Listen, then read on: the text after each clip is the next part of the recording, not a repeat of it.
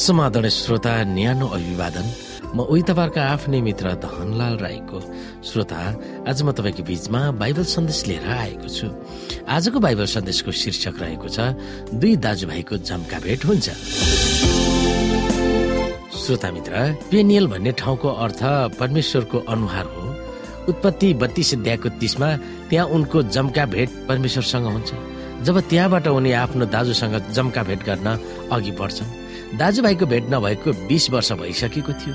अब आफ्नो दाजु चार सय मानिसहरूको जमात लिएर आफू कहाँ आइरहेको याकुबले देख्छन्। उत्पत्ति तेत्तिस अध्यायको एकमा याकुब चिन्तित हुन्छन् र आफ्नो दाजुबाट परिवारलाई जोगाउन उनले बन्दोबस्त मिलाएका थिए। पनियलमा परमेश्वरसँग जम्का भेट भएको अनुभवसँग आफ्नो दाजुसँग जम्का भेट भएको अनुभवको बिचमा के सम्बन्ध छ? परमेश्वरसँग जोसुकै भए तापनि हाम्रा दाजुहरूसँगको जम्का भेट हुने मामिलाको आत्मिक अर्थ के छ र हामी यहाँनिर उत्पत्ति तेत्तिस अध्यायको एकदेखि हेर्न सक्छौँ।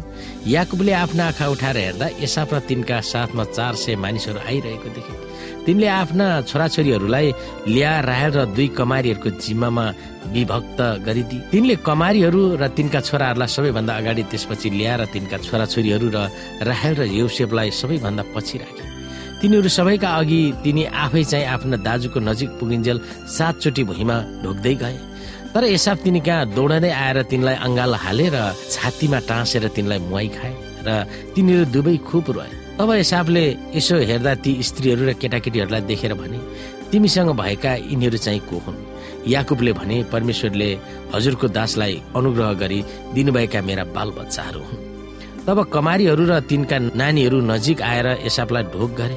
त्यसपछि ल्याएर तिनका नानीहरू आएर ढोक गरे। सबभन्दा पछि युसेफ र राहेल आएर तिनीहरूले पनि ढोक गरे। हिसाबले याकुबलाई सोधे मैले भेटेका यी सबै बथानको मतलब के हो? याकुबले जवाब दिए मैले हजुरबाट अनुग्रह पाउनलाई हो। तर हिसाबले भने भाइ मसँग प्रशस्तै छ।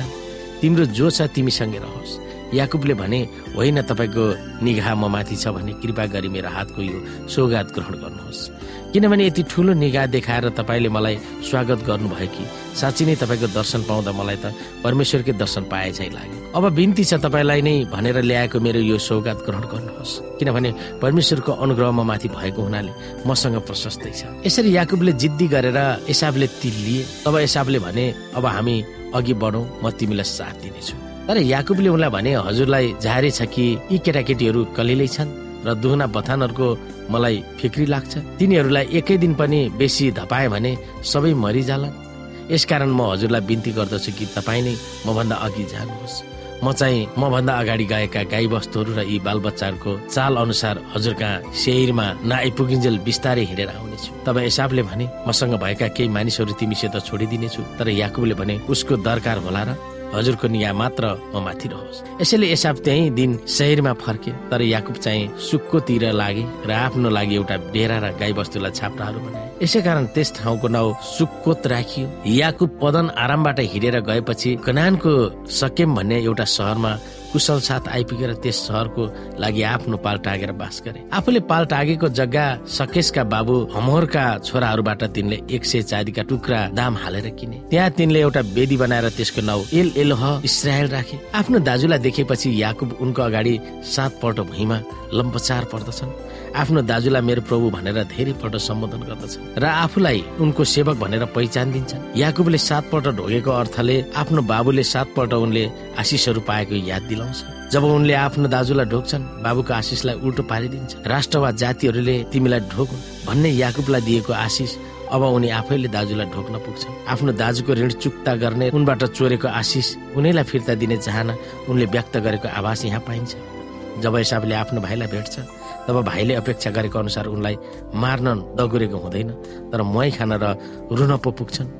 पछि आफ्नो दाजुको ठुलो सराहना देखेर भावुक हुँदै यो भावना व्यक्त गर्दछन्। हजुरको अनुहार मैले देख्दा त मैले परमेश्वरको अनुहार देखेको जस्तो महसुस गरेको छु। यो अत्यन्तै अचाक्ली लाग्दो भावना व्यक्त गरेको कारण थियो। आफ्नो दाजु हिसाबले उनलाई क्षमा दिए। परमेश्वरले क्षमा दिएको भन्ने धारणालाई बुझाउन यो शब्द याकुबले पनियलमा परमेश्वरको अनुहार देखेर उहाँबाट पाएको क्षमाको अनुभवलाई अब दाजुको अनुहार देखेपछि उनीबाट क्षमा पाएको आभार व्यक्त गर्दा आफूलाई परमेश्वरको अनुहार सामु खडा भइरहेको आवाज उनले पाएको बताउँछन्। याकुब अब दोस्रो पनियलमा रहन्छन्। पहिलो पनियलले दोस्रो पनियलको निम्ति उनलाई तयार पारेको थियो। परमेश्वर र आफ्नो दाजुले याकुबलाई क्षमा दिएका थिए। परमेश्वरको अनुग्रहको अर्थ के रहेछ भन्ने आत्मज्ञान पहिलाभन्दा अहिले अझ बढी उनले बुझेको अवश्य हुनुपर्दछ। अन्त्यमा श्रोता परमेश्वरले बाहेक अरूहरूले तपाईँलाई क्षमा दिँदा अनुग्रह अनुग्रहको अर्थ के रहेछ भनेर हामीले कसरी बुझ्न सक्दछौँ? त्यो प्रश्न म तपाईँको बिचमा छोड्न चाहन्छु। श्रोता आजको लागि बाइबल सन्देश यति नै। अर्को प्रस्तुतिमा पुनः भेट हुने बाचासहित म उही आफ्नै मित्र धनलाल बिदा हुन्छु हस्त नमस्ते। जय मसिंह।